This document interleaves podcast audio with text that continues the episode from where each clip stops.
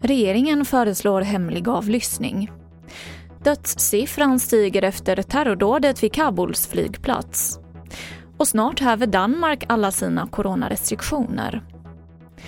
TV4-nyheterna börjar med att regeringen föreslår ökad möjlighet till avlyssning. Det här sa inrikesminister Mikael Damberg under en pressträff där han presenterade nya verktyg för brottsbekämpning.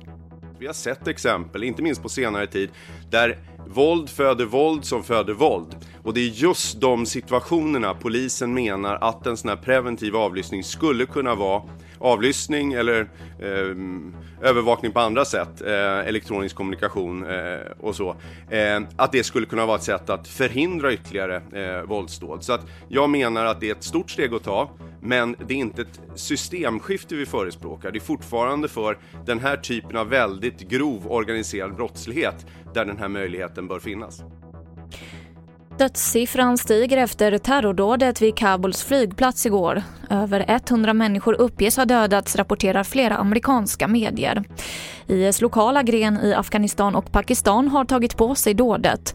Här hör vi vår reporter Stefan Borg om hur risken ser ut för fler attacker den är fortsatt väldigt hög och med tanke på att då minst två bombmän och ytterligare ett antal eh, be, eh, beväpnade terrorister med skjutvapen lyckades ta sig in när de genomförde de här två attentaten så måste man nu kalkylera med andra möjligheter också. Att terrorister kommer in till exempel med hjälp av fordon eller att man använder tyngre vapen eh, som olika former av raketer. Så man tittar också på möjligheten att, att eventuell beskjutning av flygplan som lyfter från flygplatsen eh, skulle kunna bli ett tänkbart eh, scenario.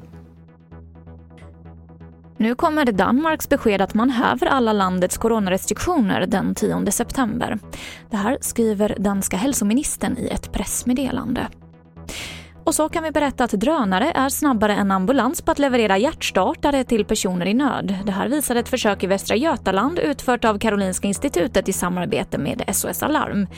I snitt sparades nästan två minuter per drönarna, men svårigheter att flyga i dåligt väder är en av flera utmaningar som återstår innan man kan börja använda tekniken i skarpt läge.